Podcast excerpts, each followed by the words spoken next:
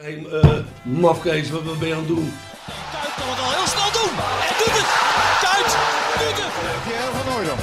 En ja. Het is Pierre van Hooydonkavond. Het is de Pierre van Hooydonk Cup. Met elkaar communiceren, met elkaar praten, dat is toch een heel groot probleem hoor. Natuurlijk staat dit schitterende stadion bekend om zijn sfeer. Maar zoals vandaag heb ik het nog echt uh, zelden meegemaakt. Ik denk dat ik dat gezegd heb, maar dat heb ik niet gezegd.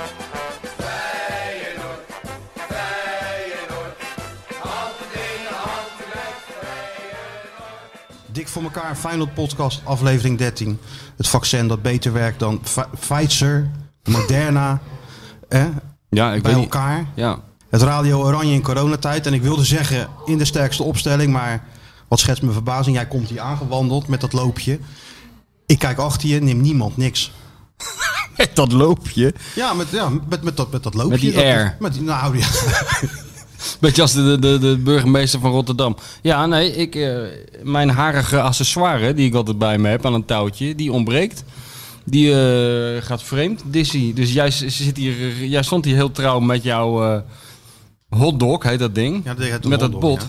Ik weet niet wat er allemaal in zit, maar die hond vindt het in ieder geval heerlijk. Die vindt het heerlijk, maar die hond ontbreekt. Maar had die hond dan, protesteerden ze niet vanochtend? Nou, die hond dat is ze naar notabene Richard Groenendijk moest? Ja, In Ja, plaats van hier dat bot op te eten. Ja, dat is typisch Dizzy. Kijk, eh, die raakt toch een beetje snel verwend. Dus die heeft dat nou wel gezien, die publiciteit met die podcast. Die gaat nou een treedje hoger qua BN'ers. Die heeft die Martijn Krabbedam, eh, die af en toe in zo'n vakje zit op Fox Sports. dat heeft ze wel gezien. Ze gaat nou voor de echte grote jongens. Dus ze is nou in het huis van Richard Groenendijk en zijn vriend. En wordt daar vertroeteld. Dus ja, dat- dat ik voel me ook, eh, meteen, maar wat zou ze daar ik voel me krijgen ook dan? gehandicapt. Nou, in ieder geval niet deze rotzooi. Waarschijnlijk iets veel verantwoorders. In zo'n mooi schaaltje, een, een, een, een bakje met iets Ja, die wordt ze heel, erin. heel erg goed eh, wordt ze daar verzorgd. Disney heeft op de een of andere manier een voorkeur voor eh, BN'ers als oppassers. Want de gast van volgende week, laten we het maar gelijk onthullen. Ja, Dat is Raymond Sluiter, die komt bij ons langs. Die past ook altijd op Disney. Het is toch niet te geloven? Ja, dus Een kijk, wij enorme, denken, sta- enorm, enorme golddikker, die ja, Dizzy. wij denken dat wij speciaal zijn, maar dat is helemaal niet zo. Wij zijn gewoon een van de velen die in het eh, gezelschap van Disney mogen verkeren. Alleen eh, vandaag niet, dus ja, je zal het met mij moeten doen, het grote voelt wel een beetje anders, moet ik eerlijk Ja. zeggen.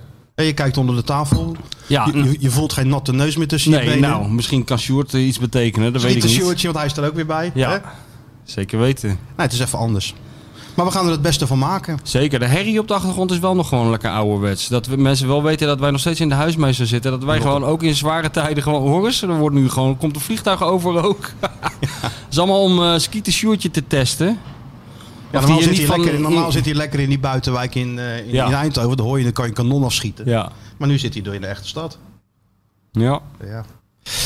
Ja, moeten we het eerst eventjes over... eh, ja, wat we hadden die podcast eh, vorige week. En dan hadden we ook nog wat... eh, je weet het, dan halen we natuurlijk alle verhalen naar boven. En het ging even over, de, over Pim Doesburg en zijn keeperstrainer. Jij vertelde nog wat een geweldige trap die, Nou. eh, die hij wel niet had. En de, zijn affaires met, met Ed de eh, wat bespraken we. En een dag later stuurde ik jou een berichtje dat, dat, Doesburg er niet meer is. Ja, bizar vond ik het. Ja. Ongelooflijk. En ja, dat was een schok. maar voor, heel, voor de hele voetbalwereld, dat merkte hij wel. Hè? Vooral in Rotterdam. Ja, hij was natuurlijk een Sparta-icoon, maar in Feyenoordkring eh was de schok net zo groot. Want eh, hij hoorde er toch bij. Hè? Hij heeft zo lang bij die club rondgelopen en zoveel betekend. En ehm, ik moet zeggen, ik vond het wel mooi eigenlijk de afgelopen dagen rond Pim Doesburg. Dat, eh, kijk, die voetbalwereld is toch vaak, wordt het afgeschilderd en vaak ook wel terecht als een hele harde, wat asociale wereld. Eh, waarin weinig eh, plek is voor gevoel en waar het al- allemaal gaat om eh, ego en geld. Maar als er echt serieuze dingen aan de hand zijn, zoals bijvoorbeeld dit, dan toont de voetbalwereld altijd een hele andere kant. Dat vind ik altijd wel mooi. Ja. Dat, dat zie je wel vaker. Dat zie je ook bijvoorbeeld bij, bij supporters, die, die, die FC Den Haag supporters, waar iedereen de ramen sluit eh, als ze de stad inkomen en de kinderen binnenhaalt. Maar dan wel één keer per jaar eh, 80.000 van die knuffels naar beneden gooien. Nou, Feyenoord supporters staan er helemaal bekend om, om hun, hun betrokkenheid. En dat zag je nou bij, eh, bij het overlijden van Pim Doesburg weer. Ja. Dus wat dat betreft was het wel een hele warme eh, herinneringen die er werden opgehaald aan hem. Hele goede ook. Zijn twee zoons die kwamen gelijk. Ja, zo'n zo, zo, zo- Danny belde mij. Die ken Ja. ik nog, bij Excelsior Sluis nog, nog Hmm. gespeeld. Dus die vertelt inderdaad hoe dat eh, de laatste twee jaar was gegaan. Dat hij geen, geen eh, een makkelijke tijd had gehad met, met alles wat hij, eh, wat hij onder de leden had. Ik kan nagaan, op corona had hij nog overleefd. Want hij is natuurlijk zo sterk als een, eh, als een beer. En ik, ik denk voor die jongens ook wel mooi dat, eh, dat er toch met heel veel respect over hem werd eh, geschreven en, eh, en gesproken. Het was toch een grotere personality en, en, en sportman dan je eigenlijk eh, dacht, weet je. Je, Ja. je, je wist het ook wel. Ja. Alleen, ja, het was een, een vrij anonieme man verder. Nou, Hij stond Ja. echt op de voorgrond. Hij, eh, maar als je dan ziet wat hij allemaal heeft gekiept en, en, en gepresteerd. Ja, dat is natuurlijk nogal wat. Ja joh, hij, eh, als je die oude foto's kijkt, hij, hij komt echt nog uit die tijd van, van dat keepers van die zonnekleppen droegen en van die kniestukken, weet je wel. En hun eigen... Ik ben mijn he- nou niet mijn hele leven, maar zolang ik hem ken, of een beetje kende, meemaakte bij Feyenoord, is beter gezegd. Want hij was ook niet iemand, hij, hij behoorde niet tot die categorie oudspelers die heel veel over het verleden sprak. Hè? En ik, Nee. ik vond het altijd wel leuk om met die oudspelers, vooral op die trainingskampen, dan zit je je toch altijd zo stierlijk te vervelen. Om dan eh, in de lobby een beetje die oude verhalen op te halen. Die neiging had hij helemaal niet. Terwijl hij genoeg te vertellen had erover. Want hij heeft natuurlijk de hele opkomst van het betaalde voetbal in Nederland eh, aan de lijve meegemaakt. Maar hij vertelde me wel één keer een mooi verhaal. dat hij eh, echt nog uit de tijd stamt dat keepers... Ja, er die werden natuurlijk nauwelijks serieus genomen. Er was geen keeperstrainer. Er was niet eens een keeperstraining vaak. En ook hun materiaal moesten ze in die tijd nog vaak zelf een beetje bij elkaar rommelen. Hè? Zo- Dat was nog de tijd dat keepers ook gewoon met de blote handen in het goal Alleen hij niet, hè? Hij niet, maar hij had dus een moeder die voor hem zijn keeperstrui ging, eh, ging maken. En die heeft toen, dat vertelde hij, dat heeft toen zo'n zwarte, dat was toen in, ik denk naar aanleiding van Lev Yashin of zo, was dat dan in onder keepers. Of Cudicini, om helemaal in het zwart gekleed te gaan. Dat wilde hij ook. Dus zijn moeder had gezegd, ik maak wel zo'n trui voor je. Die had er zo'n trui ge- ge- gemaakt, gebreid van wol. Hij zei, die heb ik toen ook een keer in de wedstrijd van Sparta aangehad. Hij zei, alleen toen ging het in de tweede helft ging het keihard regenen. En toen bleek die trui enorm veel water op te nemen. En toen had ik er gewoon vijf kilo erbij om mijn nek hangen, zei hij. Maar bovendien ging die trui helemaal uitrekken. Dus dat werd een soort eh, jurk. Hij zei, dat was de enige wedstrijd waarvan ik zeker wist dat ik niet door mijn benen ge- ge- geschoten zou kunnen worden. Want die past er gewoon helemaal niet. Die trui hangt daar. Hij, en hij zei, er is een foto van. En er moet een foto van zijn, maar die is kwijt. En ik heb daar heel lang naar gezocht. Altijd als ik in archieven was voor oude boeken of zo, dan dacht ik altijd even voor die Pim kijken of ik die foto kan vinden. Nooit Godverdomme, nooit gevonden. Nee. Ja, het is, Dus ja, ja, ja. maar ik denk eh, dat, het familie, dat de familie wel kracht heeft gegeven. De manier wat ik zeg waarop hij toch her- herdacht is in, eh, Ja. in, in Rotterdam. Bij Sparta vooral. Ook bij Feyenoord. En, eh, Zeker, en ook als mensen, En dat vond, ik, dat vond ik wat jij zegt heel opvallend. Dat, kijk, dat het een vakman was, dat wisten we wel. Ik vond ook mooi Jerzy Dudek, die, die gelijk van zich liet horen. Al die oud-keepers, Ja. hè, die allemaal... Lodewijks. Lodewijks eh, allemaal. Ed natuurlijk. De. Ed ook. Die het natuurlijk niet makkelijk heeft gehad met, eh met, eh, Nee. met Does. Maar ja, zijn hele leven, hè, ook van, van de, bij de amateurs al in Gouda, zat, zat, had hij dat geschreeuw in zijn nek. Ik bedoel, dat is ook knap. En ik, vind, ja, ik vond het gewoon zo goed. Die, ja, iedereen had het over hetzelfde, weet je wel. eh, als het dan ging over de, over de, de vakman, over zijn fanatisme. En ik weet ook nog dat, eh, dat, we hebben het volgens mij al een keer over gehad, dat die Tim Howard op proef kwam. Ja, ja, ja, Die later bij Vorige Manchester week over gehad. ja, die bij United terecht is gekomen. Maar dat ze toen zeiden bij de club van nou, Pim, eh, die jongen heeft 24 uur in het vliegtuig gezeten. Die is drie weken geblesseerd geweest. Er is privé van alles gebeurd. Hij is niet helemaal fit. Hij heeft slecht geslapen, dus doe een beetje rustig aan. Maar ja, dat kon die Pim helemaal niet rustig. Die had maar één stand, voluit. Ja. Weet je wat? Dus die gozer die kwam uit dat vliegtuig, die trokken ze een trainingspak aan. Pim zegt, ga maar even tussen die palen staan. En woef, woef, de een na de ander vloog die kruising in. Oh, wel goed, man. Ja, mooi ja. Ja, mooie man. Had je Feyenoord eh, gekeken? Tuurlijk. Ik ben Knap? heel... Ja, super knap. Ja, voor- ja vooral mentaal knap natuurlijk. Ik bedoel, eh, ik had het eerlijk gezegd niet verwacht. Jij? Ik, Nou, ik zat er wel van te ik kijken. zat nog niet in het stadion. Je rijdt er natuurlijk naartoe. Dat duurt een kleine twee uurtjes. Je eh, loopt daar binnen. Dat is natuurlijk het enige voordeel van, eh, van dat corona. De- Nogmaals, dat mag je natuurlijk eigenlijk niet zeggen. Maar je parkeert nog net niet in het stadion. Je wandelt Ja. op je gemak hier omhoog. Je drinkt een kopje koffie. Je gaat zitten. Je kunt alles horen. En ik knipte met mijn ogen. En het was 0-1. ik denk, nou, Het is net als die wedstrijd. Het is net als die wedstrijd van eh, waar we het vorige week over hadden in de, over die documentaire of de week daarvoor van eh, hoe heet hij nou, die bondscoach van Engeland. Taylor. Taylor, weet je wel, die beroemde wedstrijd van Engeland tegen San Marino. Oh Dat ze- ja, moesten er zeven maken. Ja. Ja, en eh, dat was ook binnen 20. En dan heb je een heel beroemde radiocommentaar. Hè? Dan hoor je zo'n commentator die zegt: Ja, dames en heren, welkom bij eh, Sam, eh, Engeland eh, San Marino. Deze wedstrijd wordt u aangeboden door Grolsbier. En het is 1-0 voor San Marino. Dat is één zin, weet je wel. Nou, zo is dat Dennis van Eersel van, van Rijnmond ongeveer ook. Ja. Met een, eh, met een eh, be- bedroefd gezicht. Gek, gek 30 is dat, hè? Het is wel een gek fenomeen, toch? Dat, je, dat zoiets gebeurt. Dat je even niet oplet, gewoon 30 seconden, ligt er meteen Nou ja, in. vooral de eerste 30 seconden. Dat je dus helemaal, dat je een- dus een trainer hebt die, neem ik aan, de boel helemaal opfokt. Ja, dat heeft hij daarna gedaan. Ja, heeft hij daarna. Nou, ja, maar ik juist die eerste 30 seconden zei hij niks. Misschien heeft het daarmee te maken. Nee, maar vooraf bedoel ik in de kleedkamer. Dick is toch een trainer die de boel behoorlijk de hele week lang op scherp zet. Ja. een soort Doesburg. Die kan toch ook alleen maar eh, op standje maximaal. Ja, dat valt nog wel mee. Hij heeft nog één, extra standje nog, Oh. nog, nog dik. Ja, standje boos is dat. Ja, ja standje. Dat, dat doet hij in, eh, ja. Het is ook zo, ja, maar dat is toch sowieso gek. Kijk, die trainers die gaan dan voor de wedstrijd staan, eh, staan eh, met die handen in, met die vuisten in die handen en we gaan scherp beginnen. En dit- ja, ja, 0-1 na 30 seconden. dat is toch grappig. Ja, dat is grappig, ja. Maar het is wel, ik vind het vooral knap hoe ze het hebben, hem- hebben omgedraaid. Als je toch met 10 man komt, komt te staan.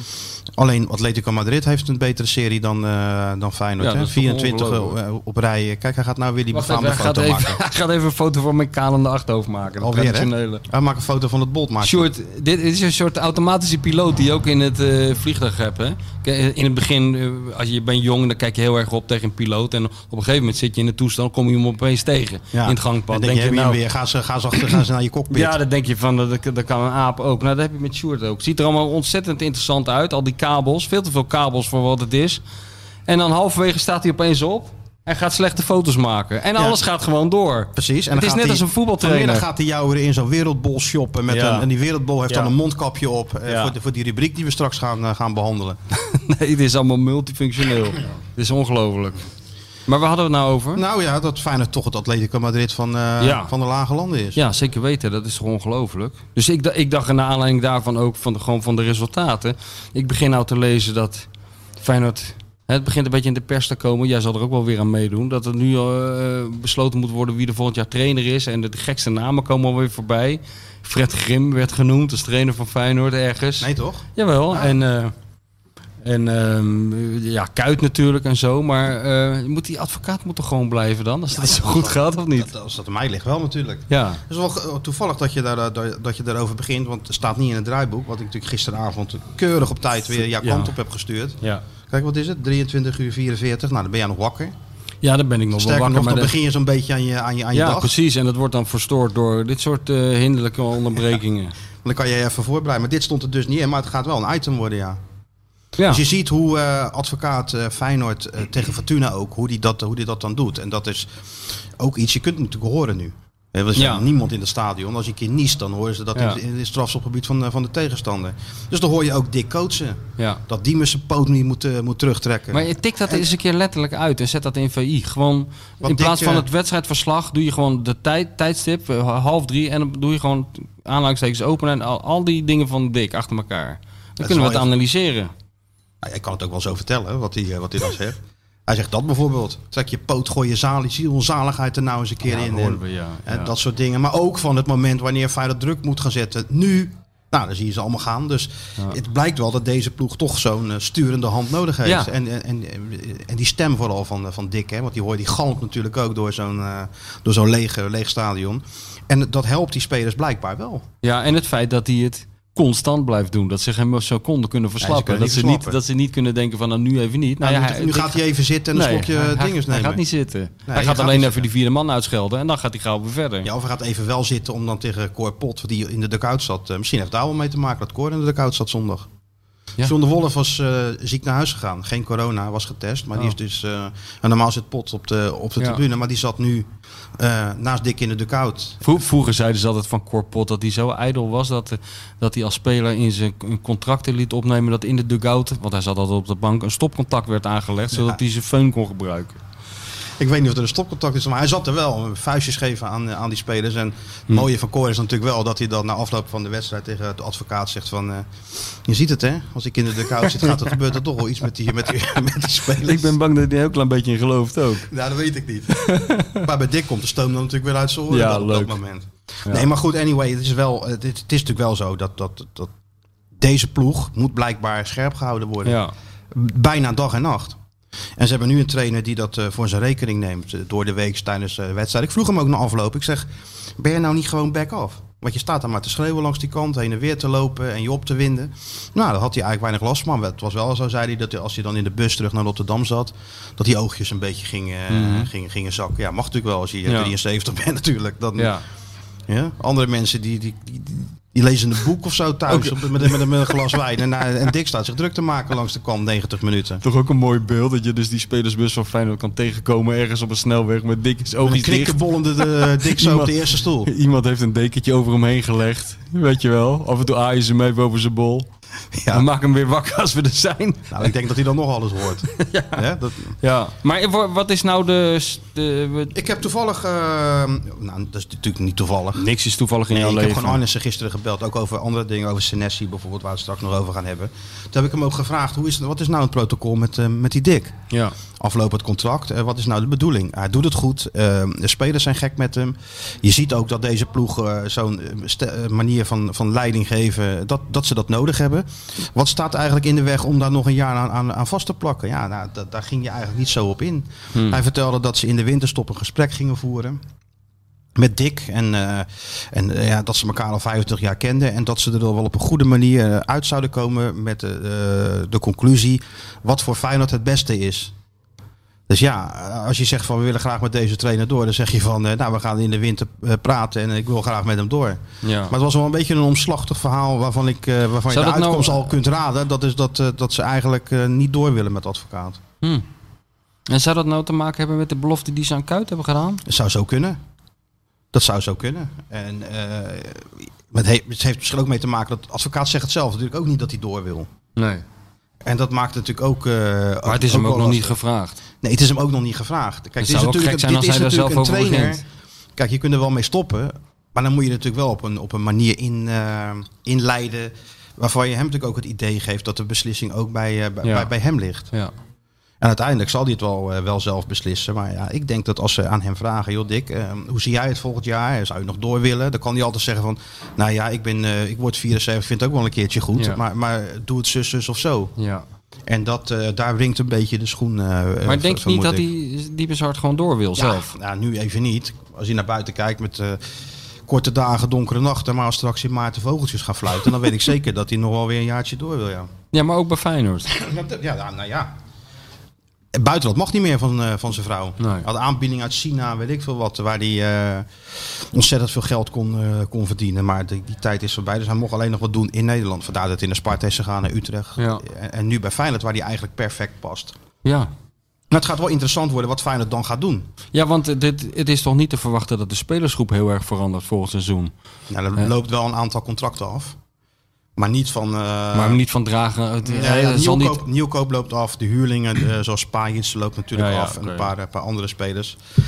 Het Narsing bijvoorbeeld, maar die speelt ook nooit. Die loopt ook af. Dus wat dat betreft Maar het is niet er wel wat ruimte in dat, in dat salarisbudget. Dus je zou wel iets, iets kunnen gaan doen. Je kunt eh, erop rekenen dat ze een speler gaan verkopen. Nou, Berghuis is bijna natuurlijk wel zeker dat hij in de winter weggaat of in van de zomer.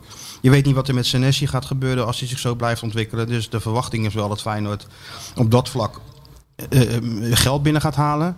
Zijn ze op de achtergrond met die investeerders nog, eh, nog bezig. Dus de nieuwe trainer die zal natuurlijk wel dat elftal moeten, moeten herinrichten. En als het gaat volgens wat ehm Arnissen van plan is... dan gaat jeugd een belangrijke rol Ja. spelen. En daar, ik denk dat hij daar ook een trainer bij zoekt... die, Ja, die ja, daar ook eh, de aandacht aan geeft. nou ja, daar zou wel een soort van logica in zitten dan. Als je voor de jeugd gaat, eh, dan kan je zeggen, daar past de advocaat misschien niet direct bij. En dan zoeken we iemand anders. Of dat dan Dirk Kuyt moet zijn. Met nul ervaring lijkt me dat niet, lijkt, eerlijk mij, dat lijkt me ook niet. Maar, Maar- dat hebben ze maar, wel op een of andere. Dat is ook weer zo gek, want dat hebben ze natuurlijk wel weer beloofd. Ja, som- maar zo- ik heb begrepen dit dat ze is het wel gek? hebben beloofd, maar zonder een datum. Ja, ja nou ja. De, de, Dus ooit word jij trainer In van Feyenoord. 2043 ben jij trainer van, eh van, Ja. van Feyenoord, Dick. Nee, natuurlijk, dat is natuurlijk zo snel mogelijk als hij zijn diploma heeft. Alleen het blijft natuurlijk wel Nou, maar, maar hoezo zo snel mogelijk als dit? ja, dat is dat ik heel niet. raar? Ja, het is ook heel raar, maar dat ben ik met je eens. Ja. Maar goed, eh, Arnes heeft die belofte niet gedaan. Dat heeft Van Geel gedaan. En Arnes zegt, ja, ik conformeer me er wel aan. Als het beloofd is, is het beloofd en moet je Ja. het nakomen. Maar hoe staat, hoe staat die kuit daar zelf nu inmiddels in eigenlijk? Want hij is er even een tijdje uit Hij geweest is een tijdje Er is uit. van alles Dit- gebeurd. Dit jaar eh, staat hij op de loonlijst. Heeft hij geen, eh, geen elftal dat hij traint, maar oriënteert hij zich. Hij is onlangs toen Feyenoord tegen ADO oefende, is hij bijvoorbeeld twee dagen even bij het eerste geweest. Ja. Toen mocht het, want eh, voor de rest wilde, wilde Dick hem niet zien. Maar ja, Wil hij wat valt er nou aan te zien voor Ja, hem? weet ik veel. Gewoon, Er is toch niks veranderd in de tijd? Nee, dat is niks veranderd. Maar ja, dat is misschien... Wat eh, valt er nou te oriënteren rond het eerste elftal? Dat heeft hij allemaal al meegemaakt. Hij weet het beter dan die gasten, eh, ja. Nou, dat weet ik niet. Nou ja, ik bedoel, je kan niet zeggen dat hij geen ervaring heeft. die Oh, als speler bedoel je? Ja, hoe Ja, het in nee, de kleedkamer tuurlijk, aan ja, toe nee, gaat. als- En, Als speler wel. Maar weet ik veel waarom dat dan zo is. En hij gaat met wat oude trainers gaat hij langs om daar eh, in, Oh ja? een kijkje in de keuken te nemen. Nou, beter clubs zeg maar waar hij geweest is. Dus hij zal naar Klopp gaan, Liverpool. Mm. En eh, ja, ik weet niet of hij naar Fenerbahce gaat. Want ik geen idee wie daar trainer is. Of hij daar nog wat, eh, wat, wat opsteekt. Maar het zal vooral Liverpool zijn waar hij dan eh, Mm. langs gaat. En zo gaat zijn diploma halen. En dan eh, ben ik echt benieuwd wat, eh, wat Feyenoord gaat doen.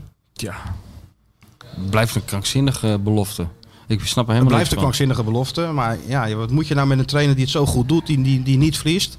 Ja, eh, probeer hem over te halen om te blijven, zou ik zeggen. Zou ik denken. Alleen Ja. heb ik dus Arnissen gevraagd. En ik had nou niet het idee dat hij er heel enthousiast Nee, nee, werd. Heel nee. enthousiast werd van, de, van, de, van die suggestie. Die, En is dat dan toch een beetje de- de- het verschil? eh, de een die voor de jeugd wil gaan en de ander die dat ja, de hele tijd moet worden overgehaald? Het zal ook te maken hebben met invloed. Ik denk, kijk, je- je weet, als Dick trainer is, dan heb je als technisch directeur niet zo gek veel ja, te zeggen. ja, ja. Dan mag je gewoon na afloop even de kleedkamer inkomen. Of tenminste dan nu niet, denk ik in corona. Maar hem even een handje te geven. Ja. En dan krijg je gewoon te horen, eh, ik denk eh, 134 keer per transferwindow dat er een spits moet komen.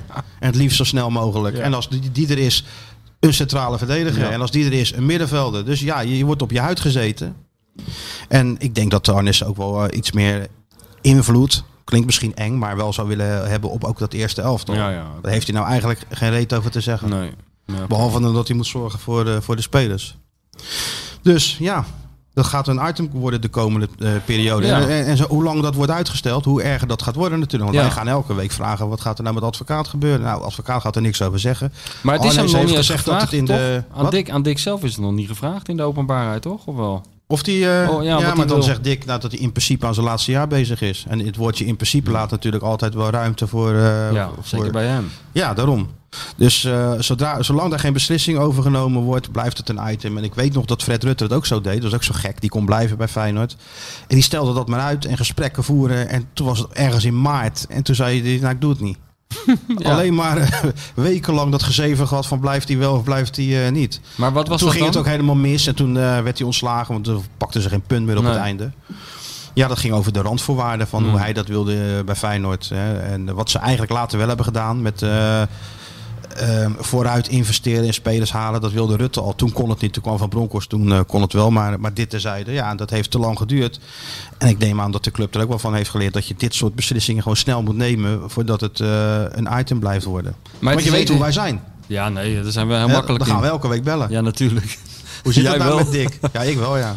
Ja, maar het is, het is een beetje gekke samenloop van omstandigheden. Dat, dat je nou met een trainer zit die een beetje behoudend is. En om niet te zeggen ouderwets, maar wel punten pakt. In een periode bij een club waarin er heel veel op de toekomst is gericht.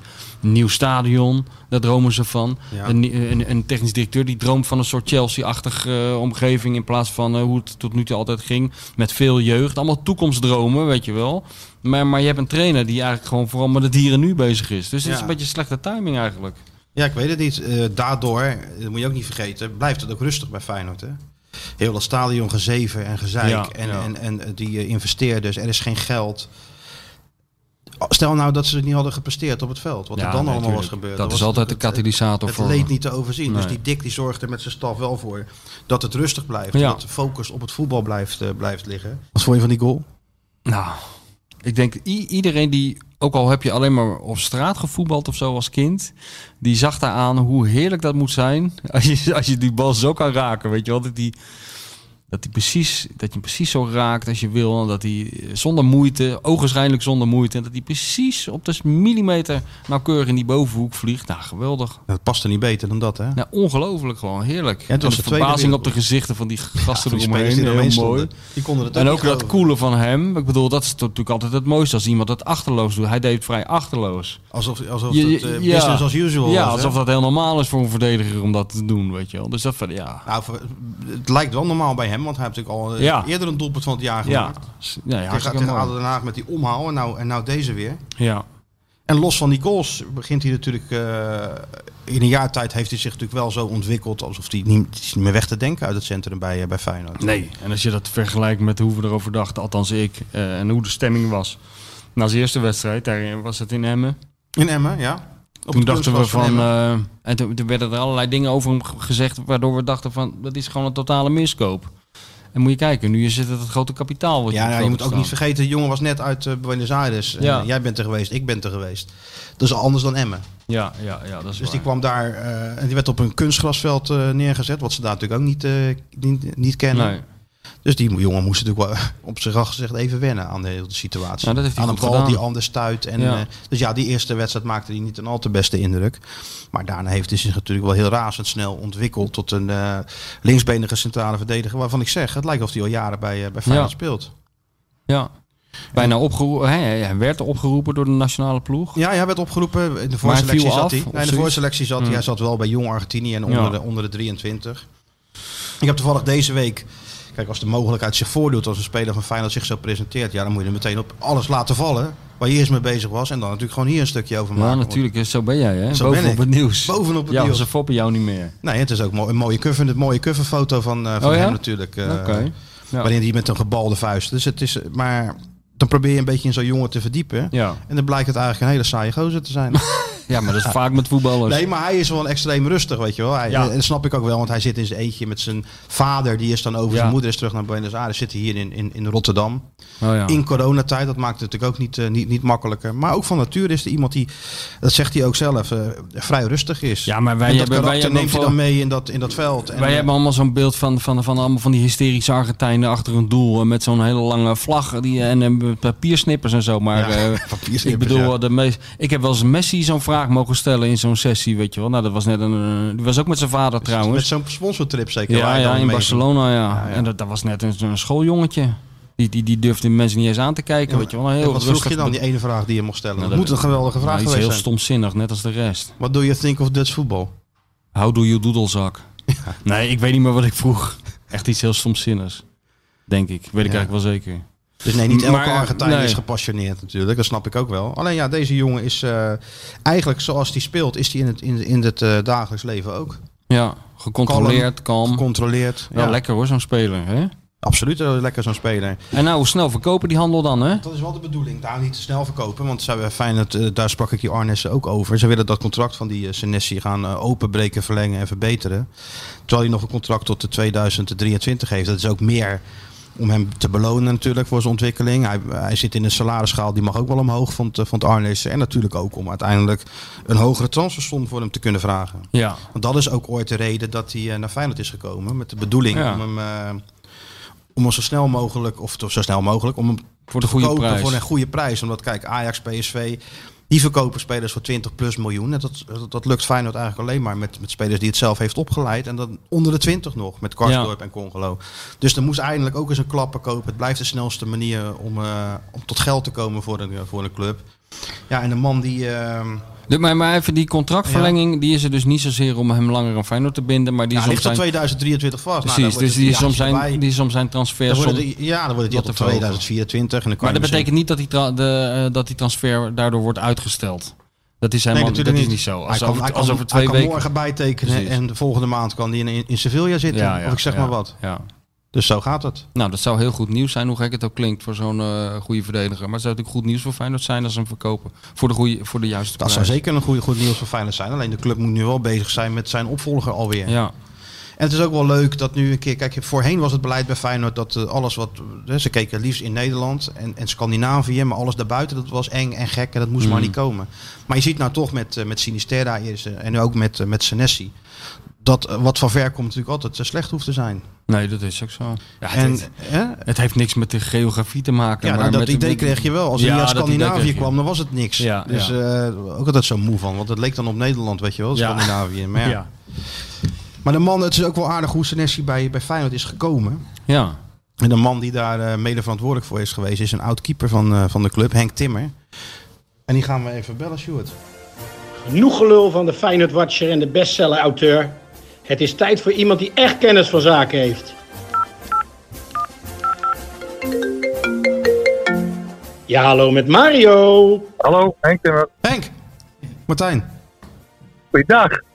Michel is er ook bij. Hey Henk. Goeiedag. Hoi. In de befaamde rubriek Ja, hallo met Mario. Ja, ik heb het inderdaad, ja. Eh, Ja, ook maar, ook maar omdat we hem toen als eerste hadden gebeld. Dat had ook gewoon ja, alleen met Henk kunnen zijn als we jou als eerste hadden gebeld. Maar dat Dat was eigenlijk beter. had beter geweest, ja. Hey, we hebben het net over, eh over Senesi. Want dat moet, zo moeten we het uitspreken. Hè? Senesi, zei Leo Driesje, dat haal je op zondagavond bij, eh, bij, bij Studio Sport. Maar Sen- Marco Senesi. En Ja. Toen, we hadden het net over dat debuut in, eh, in, in Emmen. Dat iedereen hem meteen eh, afvakkelde. En toen sprak ik jou en, en jij zei toen van... eh, nou, het duurt niet lang of ze moeten allemaal op die woorden terugkomen. Wat uiteindelijk Ja, ook- nou goed. Ja, dat is duidelijk wel gebleken. Kijk, ik heb die jongen natuurlijk in Zuid-Amerika wel, wel wat winterkies zien spelen. En, en eh, ja, in het begin was het natuurlijk ongelukkig. Hij kon, was net in Nederland. eh, eh, had er nodig kunstgras gespeeld. Feyenoord zit in een wedstrijd waarin ze eerst 2-0 voorkomen. Uiteindelijk op 2-2 komen. Dan moet hij erin. Eh glijdt ook nog tot overmaat van ramp een keertje uit. En toen hadden alle zogenaamde voetbalkenners het gelijk alweer gezien dat het helemaal niks was. Maar goed, we gaan nooit over één nacht ijs. Nogmaals, ik heb hem in, eh, in, in Zuid-Amerika zien spelen tegen Boca, tegen River, tegen Estudiantes, noem het maar op. Als je daar overeind blijft, en op dat moment was hij geloof ik 21, en, eh, en je bent daar een leider achterin, dan kan je dat in de Nederlandse competitie eh, makkelijk.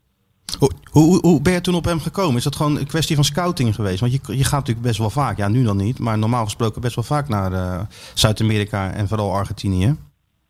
Ja, ja, we zitten er vijf, zes keer per jaar. Eigenlijk zaten we bij San Lorenzo en dat was eigenlijk voor een, eh, een linksbuiten. Eh, Daar gingen we eigenlijk naar kijken. Maar goed, je kijkt de hele wedstrijd en eh, toen zagen we een, een linker centraal. Ik zeg, jezus, mini wie is dat dan? Ventjes 20 jaar toen, is eh, goede inspeelpaas, eh, kopsterk. Nou, die moeten we hebben, dat is een goede. Dus we hebben een aantal keren daar gesproken met, met hem, eh, met zijn ouders, eh et cetera voor jou zou het echt super mooi zijn om eh, in de Nederlandse competitie de volgende stap te maken. En, en eh, nou ja, kijken of je dan eh, via Nederland misschien nog een stapje kan maken. Dat je in de Argentijnse elftal komt. En dat je misschien in Zuid-Europa of in Engeland aan de bak kan. Nou goed, toen hebben we eigenlijk een traject ingezet om hem om te proberen om hem bij Feyenoord te krijgen. Nou dat traject heeft best lang geduurd. Maar uiteindelijk is het gelukt. En is, ik denk voor eh, met name Feyenoord hartstikke mooi. Eigenlijk wel knap, want Feyenoord was een club die je liever niet dit soort spelers had. Hoe heb je ze overtuigd om het dit keer wel te doen dan?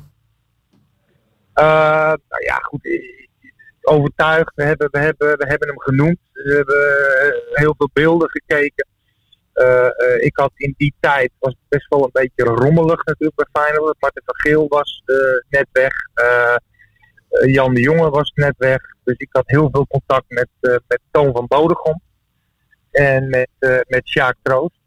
En nou ja, goed, uiteindelijk na, na heel veel gesprekken en heel veel geleur en gedoe eh, heeft het best wel lang geduurd. Want ook in, in Argentinië is het ja, best, best lastig zaken doen als je de mensen niet kent en, en niet weet waar je, waar je aan toe bent. Ja, goed, dat weten wij dus wel. En, en ja, goed, dat hebben we gedaan. En eh, uiteindelijk is het gelukt om hem hier te krijgen. Nou, dat is eh, van Feyenoord heel goed. Eh, met name Toon heeft zich daar heel, heel hard voor gemaakt. En ja, nu zie je het resultaat. Hey Henk, is, is, dit, is dit nou een bijna once in a lifetime? Want je, schetst, dat jullie hebben er heel veel tijd en heel veel energie en moeite in gestoken. Of zijn er nog meer van dit soort boys in, in, in Zuid-Amerika, als je maar goed genoeg zoekt? Is er nog meer te halen voor Feyenoord op dat gebied? Of is dit echt een eenmalig eh, cadeau waar we heel blij mee moeten zijn? Nee, helemaal niet. Ik heb, eh, nogmaals, we zitten daar heel vaak. Daar, eh, er zijn zoveel goede spelers. Alleen, eh, men zegt dat ze de spelers kent. Maar ja, als jij alleen maar op, eh op of op Instat of wat dan ook naar beelden gaat kijken. Kijk, nogmaals, wij zitten daar al, Henk van Ginkel zit er al, al, al 25 jaar. Ik zit er nu 10 jaar. Eh, we zien daar heel veel wedstrijden. We spreken daar rechtstreeks met, de- met de technische mensen en met de spelers en vaak met hun ouders. Ja, er lopen zoveel talent. Dat is, dat is echt eh, niet normaal. En eh, voor onze begrippen ook nog betaalbaar.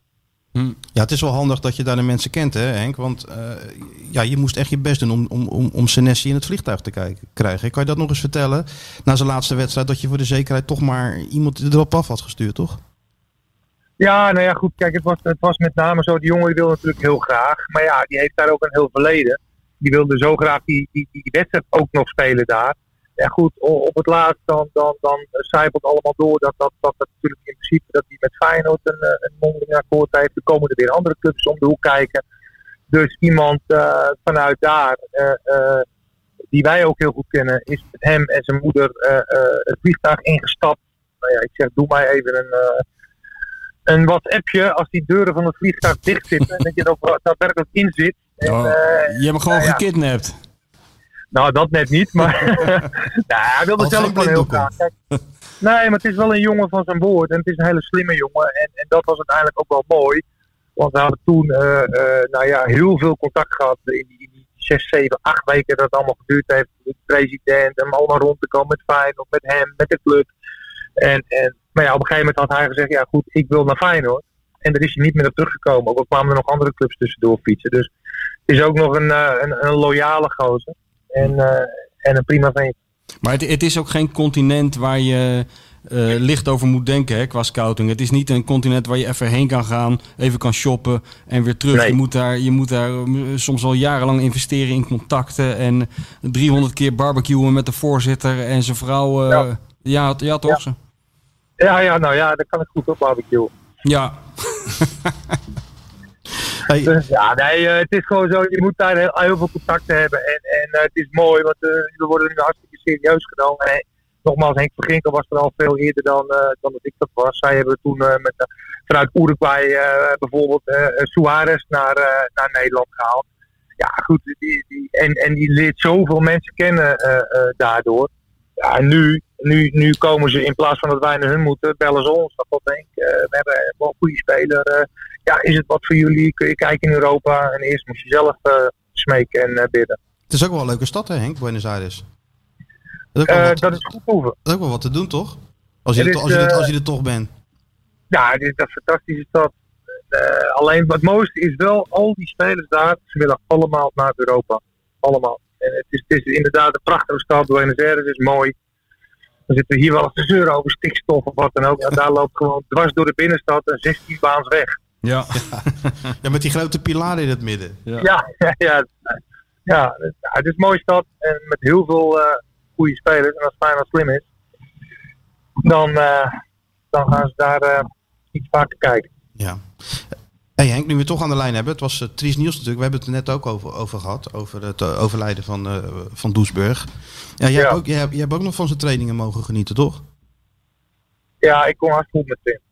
Ja. Het was, het was nooit rustig.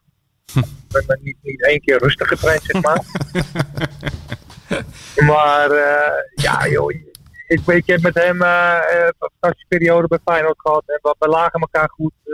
Was hard trainen, maar we konden alles tegen elkaar zeggen. Hij was bezeten tot op het laatst. Dat is niet normaal. We hadden een trap.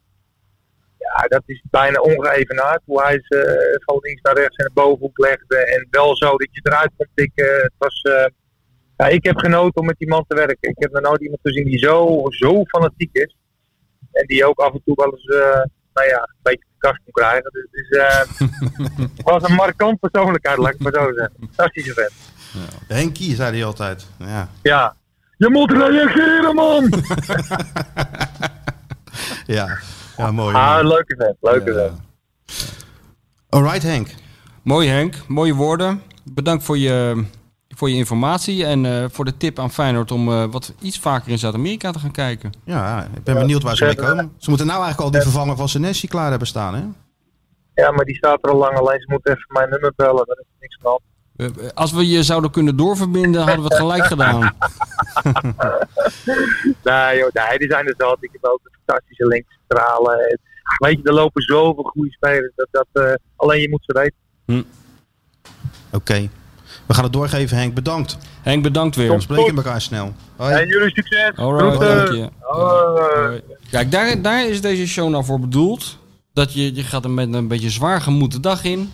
Je denkt, wat, wat moet het allemaal? De trainer gaat weg, we hebben geen geld. En dan bel je Henk Timmer. En wat blijkt? Heel Zuid-Amerika loopt vol met Goede renners spelers die betaalbaar goede- zijn. Die betaalbaar schijnen te zijn. Alleen Arnissen moet hem even bellen. Even bellen. Nou, dat hebben we dan ook weer geregeld. Dat ook weer geregeld, Opgelost. want die luistert natuurlijk. Ja, Frank. lijkt me wel. Het zou heel onverstandig Dat zijn. is een van die, een van die miljoenen luisteraars. luistert. Maar Argentijn en Feyenoord, ja, het is een tijd geleden. Hè, dat, ze de, de- dat, dat was een beetje uit jouw tijd nog. Ja, Toen Arie Haan ineens... ja. ja. Ariaan kreeg zo'n tik, hè? Om allemaal Zuid-Amerikanen. Ook een Uruguayaan, Fernando Picoen. En ehm, ja, toen had je er opeens... eh, ja, maar jij zegt net, er staan me toch weinig van die gasten bij eigenlijk. Ja, aan de enige is Kroes natuurlijk. Maar die andere vond ik een beetje... niet als voetballer. Je had dus Pablo Sanchez. Dat vond ik wel nog een hele goede voetballer. Die werd gelijk club topscorer volgens mij in zijn eerste seizoen. Maar die kreeg toen weer te maken met een trainer die hem... eh, hij randeerde prima, maar die moest dan weer op een andere plek spelen volgens mij. Een jaar later. Waardoor de, Van Arie. Volgens mij van Arie. Ja. En eh, Vitamina werd hij genoemd. Vitamina. En had je die, eh, ja, dan had je, hij kwam samen met Patricio Graaf, linksback. Die, die, die was interessant omdat hij Italiaans, of betaalbaar, omdat hij Italiaans paspoort Ja, dat heeft? Senesi ook, hè? Ja, Italiaans precies. Dat, paspoort. dat zijn natuurlijk, de, het zijn natuurlijk heel veel links met Italië. Eh, en Duitsland in Zuid-Amerika. Dus dat is wel lekker. En, en dan had je nog het fenomeen Eduardo Tati Bustos Montoya. Een speler die nog kleiner was En dan daar Dick, kan je nou wel zo'n voetbalquiz mee winnen. Dick Oh, Advocaat Jij kan die naam gewoon, eh, gewoon zo Ja, vloeiend zal- uitspreken. Dat, dat, meer dat, vergeten, ja. ja, daar scoor je punten Tati mee. Bustos Montoya. Tati was zijn bijnaam. Ja. Die, die kwam echt eh, bij verdedigers tot eh, heuphoogte. Hij heeft één doelpunt gemaakt. In, de, eh, in een wedstrijd tegen RKC, geloof ik. En, en we hebben nog Mariano Bambarda gehad. Ja, later, die, ja. die was al gestopt met voetballen toen Feyenoord hem contracteerde. Ja. Die hebben ze toch wel overgehaald. waarde geweest. Ja, als een soort pinch hitter natuurlijk, een soort stormram kwam die er nog niet. Maar ik vond het allemaal, behalve eh, vond ik het eh, allemaal aardige gasten, maar vrij, in mijn beleving vrij kleurloos. Maar goed, ik kon ook niet met ze praten. En we hadden toen Guido Vader op de media-redactie werken, die nu, nog steeds bij Feyenoord werkt. Die doet Die een beetje de, ja, die spreekt, die spreekt alle talen. Eh, dus eh, die, eh, die deed dan het contact met die gasten. Maar het waren wel professionals. Ja, en Kroes was natuurlijk verreweg de beste en ook verreweg de lastigste en ook de ongrijpbaarste. El, en, El Jardinero. eh, meest mysterieuze. Hele rare figuur vond ik dat altijd. Wat, wat vond je er gek aan dan? Mysterieuze jongen, je kon er echt helemaal geen hoogte van krijgen. Je wist nooit of hij iets nou serieus bedoelde of niet. Weet je wel, hij, hij trok zich ook, hij onttrok zich aan alles. Niemand kon hem raken. Weet je wel, hij leek ongevoelig voor. Hij was niet ongevoelig voor kritiek, want hij was juist heel snel in zijn in zijn Eer aangetast. Ik weet niet of het nou in die podcast was die jij vertelde dat je wel eens in zo'n grote eh, bijtzaal met hem hebt gezeten. Heb je Ja, dat nou ja, podcast eh, verteld? Ja, want we eh, zitten natuurlijk ook gewoon na die podcast wat je vorige keer al zei. Dus ik heb er geen idee Ja, nou ja, ik weet het ook niet meer. Maar heb je dat, keer verteld, Sjoerd, in de podcast? weet Sjoerd veel, Maar die, die het zit er niet. gewoon helemaal weg te dommelen. Die zit hem in, in gedachten in Eindhoven. doelen te appen van als ik hier zo snel mogelijk uit ben, kom ik lekker naar jullie toe. Nou, ik was, eh, om, om aan te geven dat hij inderdaad eh, eh, een beetje altijd in zijn eigen wereld leefde. Ik heb altijd be- een beetje het idee gehad bij, bij hem, bij die cruise, dat hij hier kwam met het idee van... je god, jullie denken wel dat ik hier heel lang blijf, maar dit is gewoon een Hij tussenstap. wist toch ook helemaal hoe de competitie was afgelopen? Nee, ja, dat was het. Ja, dat was dus in Tokio inderdaad. eh waren weken. Ik kwam nog. Doesburg was er ook bij. En, en, en, en ik kon niet slapen door het tijdverschil. Dus het was geloof ik, weet ik veel, zes uur s ochtends of half zes 's ochtends. En ik in, naar zo'n gigantische hotel natuurlijk. Zo'n ontbijtzaal in. Zo'n, echt zo'n parkeergarage van een ontbijtzaal. En dan helemaal leeg. Alleen één mannetje aan een, aan een tafeltje. Julio Cruz, die kon ook niet slapen. Dus ben ik met mijn, cappuccino bij hem gaan zitten. En dat was dus na het, één week na het seizoen of zo. En toen zei hij, eh, zeg, hoe is het eigenlijk afgelopen in Nederland? Wie, wie is er eigenlijk gedegradeerd? Vroeg hij toen. Vond wel opvallend. Hij had geen idee. Interesseerde hem allemaal geen hol. Maar ehm, ja, dat was natuurlijk wel een... ehm, ja, ik vond altijd... een- Hij had iets heel arrogants over zich. Hij was volgens mij niet arrogant. Maar hij had in zijn spel, in zijn hele houding... had hij iets arrogants. En hij, in het begin viel hij ook niet zo in het pulletje bij die spelers. Want hij ging altijd bij, vaak voor eigen succes. Niemand. Peter van Vossen, die schold hem wel eens helemaal de pleuris.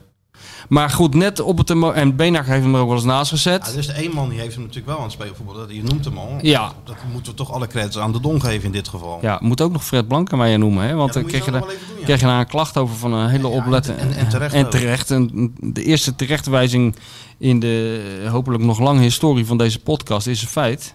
Want wij zouden elke week Blankenmeijer eh, noemen, maar dat hebben we toch een Nou, paar keer verzaakt. aardig van, want eh, Kroes kennen ze finest moment misschien wel tegen Juventus. Ja. Ja, tuurlijk. Die, die, die 2-0 tegen Juventus, ja. Dat, en, en het grote volksfeest wat erop volgde. Dat was de eerste wedstrijd waar eh, André van Duin, dat is natuurlijk een volbloed Rotterdammer in tuurlijk. feite, maar geen voetbalfan. En die, was, eh, die is overal in de stad, heeft hij wel aan deelgenomen. Maar die was nog nooit bij een voetbalwedstrijd geweest. En iemand, volgens mij Jan Zwart, heeft hem toen een keer eh, uitgenodigd. Die zei, je moet echt een keer naar de Kuip komen, want dat is best gezellig. En eh Willem van het Woud in die unit en zo. En die is toen bij die wedstrijd tegen Juventus geweest. En dat was een gigantisch feest. Ook na afloop natuurlijk in het Maasgebouw en dit en dat. En die Van Duinen die zei toen van, nou, ik kom wel vaker, want eh, ik, dit is inderdaad heel gezellig. Die dacht dat het elke week Elke zo week was. zo- zo'n feest was. Nee, dat, dat was eenmalige eh, exercitie, was dat. Nee, om even een tussenstapje naar Blankenmeijer te maken. Dat is wel mooi hoe, het, hoe die, eh, want we hadden het er net nog even over, hoe die Italianen van Juventus daar toen die kuip binnenkwamen. Weet je wel, met Marcelo Lippi. Ja. Een en al gentleman. Ja, Netjes voor laten gaan. eh eh, grazie a tutti. En, eh, Heel En, daar, en, en, en, en daar stond Blankenmeijer dan, dan naast. Hè. Die behandelden ze gewoon als, eh als, Nou ja, als iedereen. ken- die ze ook. Hè. Dat vond ik altijd dus heel indrukwekkend ook van Blankenmeijer. Die trouwens ook heel goed zijn talen sprak, eh, overigens. Eh, maar ehm, dat, eh, ja, hij kende gewoon iedereen. Dus als Roberto Bettega, wat wel een soort halfgod is in Juventus kringen. Als die aankwam lopen, of die oude voorzitter. Die, die, die kende hem, ja. En toen, op een gegeven moment stond ik met hem. Dat was op de afsluitende training van Juventus in het stadion. De, da- de dag voor de wedstrijd. En toen stond ik daar en toen kwam dat hele contingent van eh, Juventus aan, natuurlijk helemaal tip-top eh, gekleed. En toen zei Blankenberg, zie je die kleine daar, die kleine met die gemene muil? Ja, ja, dat is Moggi. Dat is de gemeenste man in dit Europese voetbal. Maar kijk wel wat een gemene muil die heeft. En eh, dan kwam die man aan en zei hij, hallo jochie, ben je er weer? Nou, hij kende ze allemaal. Ja. En, ze- eh, sterker nog, zij kenden hem. En ze hadden allemaal respect voor hem, weet je wel. En voor zijn kennis van, eh, van zaken. Maar het was inderdaad, ik, eh, was inderdaad opvallend dat, eh, dat Lippi... En dat zie je, dat zie je wel vaker in Italië, waar, waar voetbal toch veel meer werk is dan hier. Waar Veel, veel meer een soort werkethiek heerst, heb ik altijd het idee. Dat die, dat die trainer inderdaad zei van eh, goedenavond allemaal, eh, fijn dat u er allemaal bent. En speciaal welkom aan de Italiaanse pers. Fijn dat u allemaal de moeite heeft genomen om Juventus achterna te vliegen. Dat is toch anders dan hier. Heel slim van die trainer. Ja, hier kijken ze je aan alsof je, hebben ze weer. Heel dom. Wat, Pe- Ja. wat Verbeek altijd deed. Weet je wel, met een soort donderwolk boven je hoofd achter die tafel gaan zitten. Of Van Marwijk ook. En zeggen, "Woe, woe, woe, vraag maar. zei altijd standaard, jongens, ik heb weinig tijd. Ja, heel dom is dat. Er is heel weinig voor nodig om die journalisten eh, een goed gevoel te geven. En daardoor. Denk eh, jij, dat denk jij. nou, dat weet ik wel zeker. Kijk, die gasten die daar zitten, jij, eh, jij ook, die denken maar één ding. Lul een beetje door, des te sneller kan ik naar de kroeg. Ja. Dat is wel, nou, vroeger. Vroeger, toen het nog leuk Toen was. het nog leuk was. Toen het, Vroeger. Nee, ja, ik moet zeggen, met, het valt met, eh, met de Nederlandse trainers op zich nog wel mee, moet ik zeggen. Als je ze een beetje kent, dan, eh, ja, maar het is no- alleen nooit het idee Ah, ja, maar inderdaad jij, dat je- jij, dat je- jij, bent, jij behoort tot, eh, tot de in- in-crowd die het gegeven is om de, de werkelijke persconferentie mee te maken. Dat is namelijk na de na de persconferentie. Of voor de Dus Dick, persconferentie, Dick, ja. Dick doet achter het spreekgestoelte s- naast Salomon, die doen allebei een, een ingestudeerd toneelstuk. Dick die vertelt daar een paar sprookjes die iedereen kan uitzenden. En dan daarna heel sneaky sta jij, een beetje verdekt opgesteld, liefst achter een Achter een plant. Samen met je met vriend. regenjas. Met de regenjas, met wapperende jaspanden en zo'n hoed met press Ja, erop. en dat was Met natuurlijk je vriend Mikos Schauka. eh, en dan nog een andere gelukkige. Sta je dan verdekt met opgesteld. En dan, die uit onze zak vallen. ja, en, dan eh, komt de Dick. Het is niet zo dat de journalist naar de trainer gaat. Nee, we zijn inmiddels zover dat de grote Dick op meldt zich dan. Dick meldt zich dan. En, en dan gaat dan het ware verhaal aan jullie Dat vertellen. is, daar heb je natuurlijk helemaal gelijk in. Maar daar hebben we wel één probleem bij gekregen. En ik wil ze toch nog even noemen. Dat zijn de jongens van Disney. Want Ja, we hadden oh dus ja. inderdaad weer strategische positie gekozen naar die Ja, wedstrijd tegen, tegen Fortuna. Achter een plantenbak inderdaad. Vlak bij de trap naar beneden. Ik was geen ontsnappen voor Dick. eh, dat is het mogelijk. belangrijkste inderdaad. Dat is wel goeie, even een goede tip voor aankomende dus Journalisten voetbaljournalisten. altijd jong- zorgen dat, dat, er de trainer, dat de trainer geen kant op kan. En dat hij je weg, weg moet duwen, wil hij er ooit nog het stadion uit Kijk, kunnen. wij deden dat heel strategisch. Maar Jan Dirk Stouten, een, een aantal kilo's geleden, ik kan me nog herinneren dat hij gewoon voor de deur ging staan bij het sta, in het stadion van Excelsior. Dat Gert aan de wiel er sowieso niet uitkomt. Ja, maar iedereen, En die, voor, moeilijke vragen iedereen die voor de deur bij Excelsior gaat staan, die vult de deuropening in dat mini-stadion. Daar hoef je geen... eh, Die kon, die, die kon niet weg. Maar we stonden daar dus weer met, eh, om het ware verhaal natuurlijk Ja, even, even natuurlijk. op te tekenen. ja. En dan, maar ineens denk ik, wat voel ik nou toch van achter mijn rug omhoog kruipen? Joh. Dat was dan zo'n hengel van, eh, van, eh, van Disney. Oh ja? Nou, dan stonden ze weer in het trainingspak. Gelijk een rekening sturen.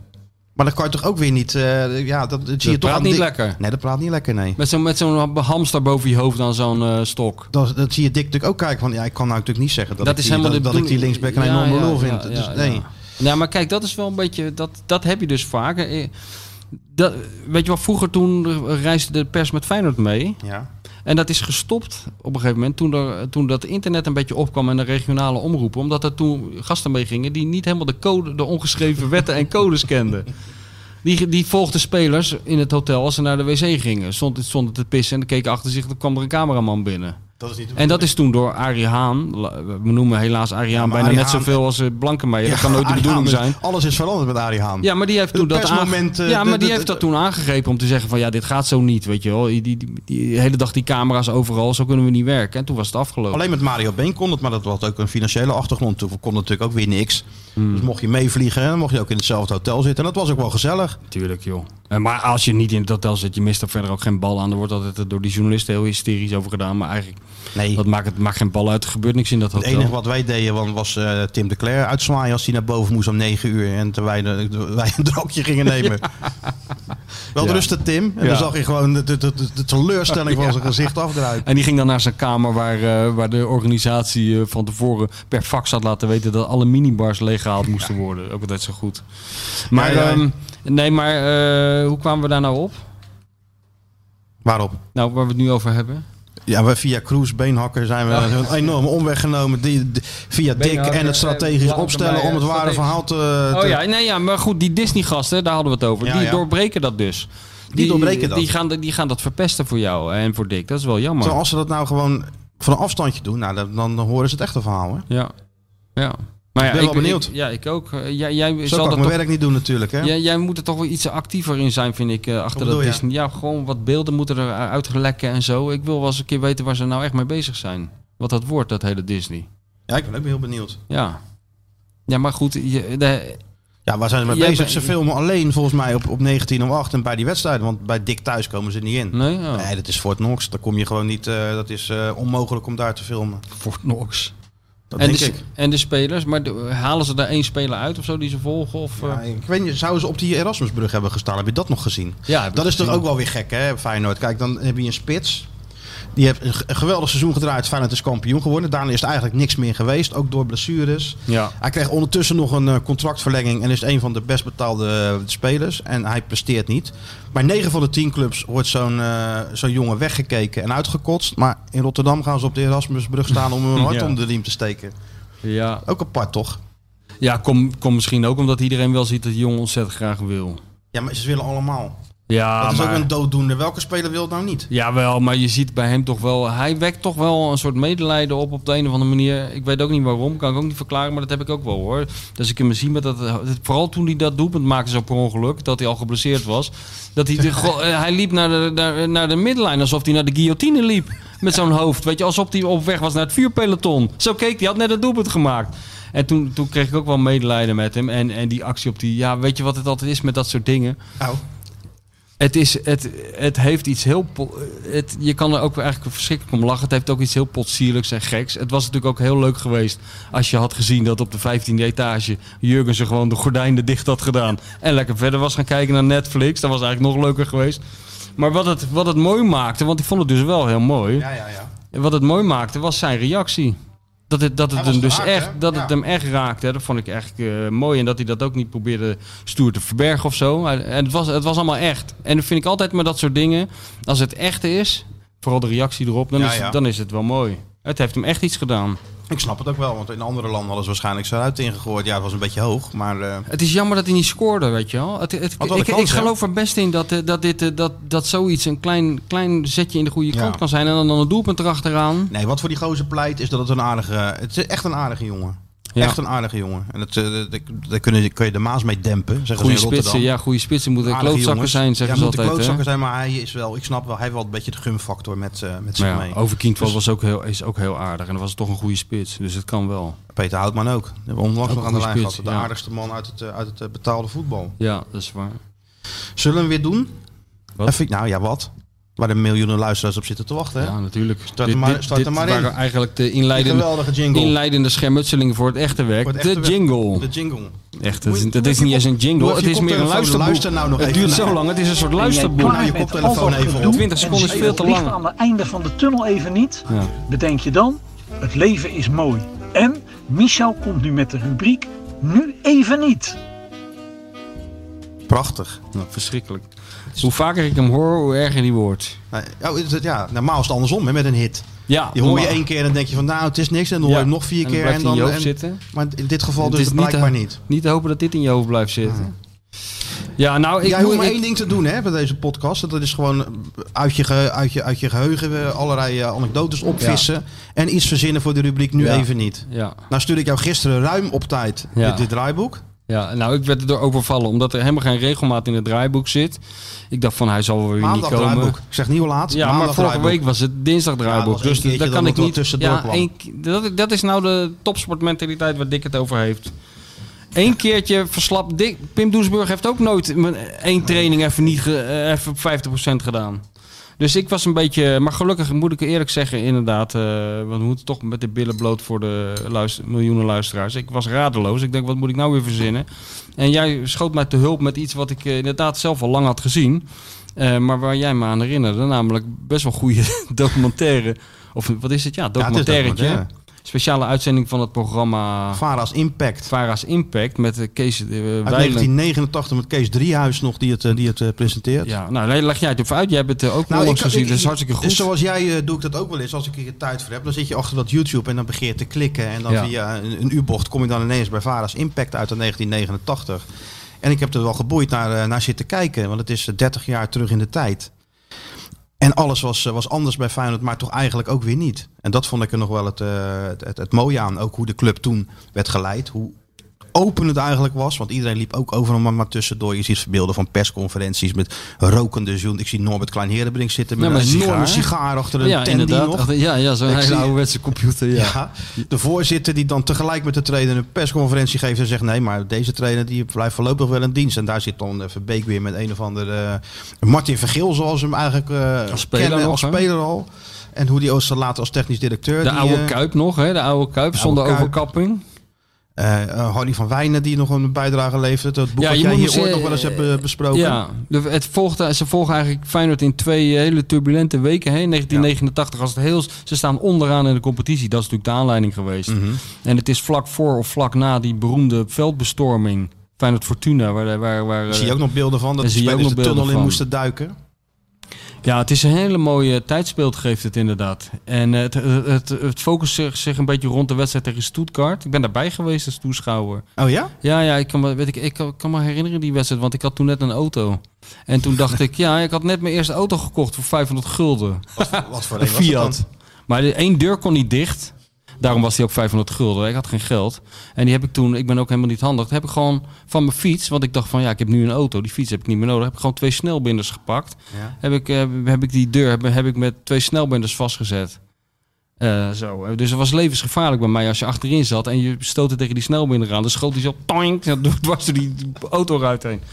Als ik bij interviews kwam, dan parkeerde ik altijd twee straten verder. Want die deur ging dus niet meer open. Dus ik du- moest door de andere deur naar buiten. Maar goed, toen had ik dus een auto. Ik, ik dacht van, waar moet ik nou heen met de auto? Ja, ik- nu heb ik een auto. En toen dacht ik van, oh ja, Feyenoord, eh, Feyenoord, speelt, Feyenoord speelt vanavond. Nou, dan reed je gewoon, eh, dat kan je nou ook niet meer voorstellen. Reed naar de Kuip. Je parkeert hem, nou net als nu bijna. Want eh, toen was er geen, ook geen kip.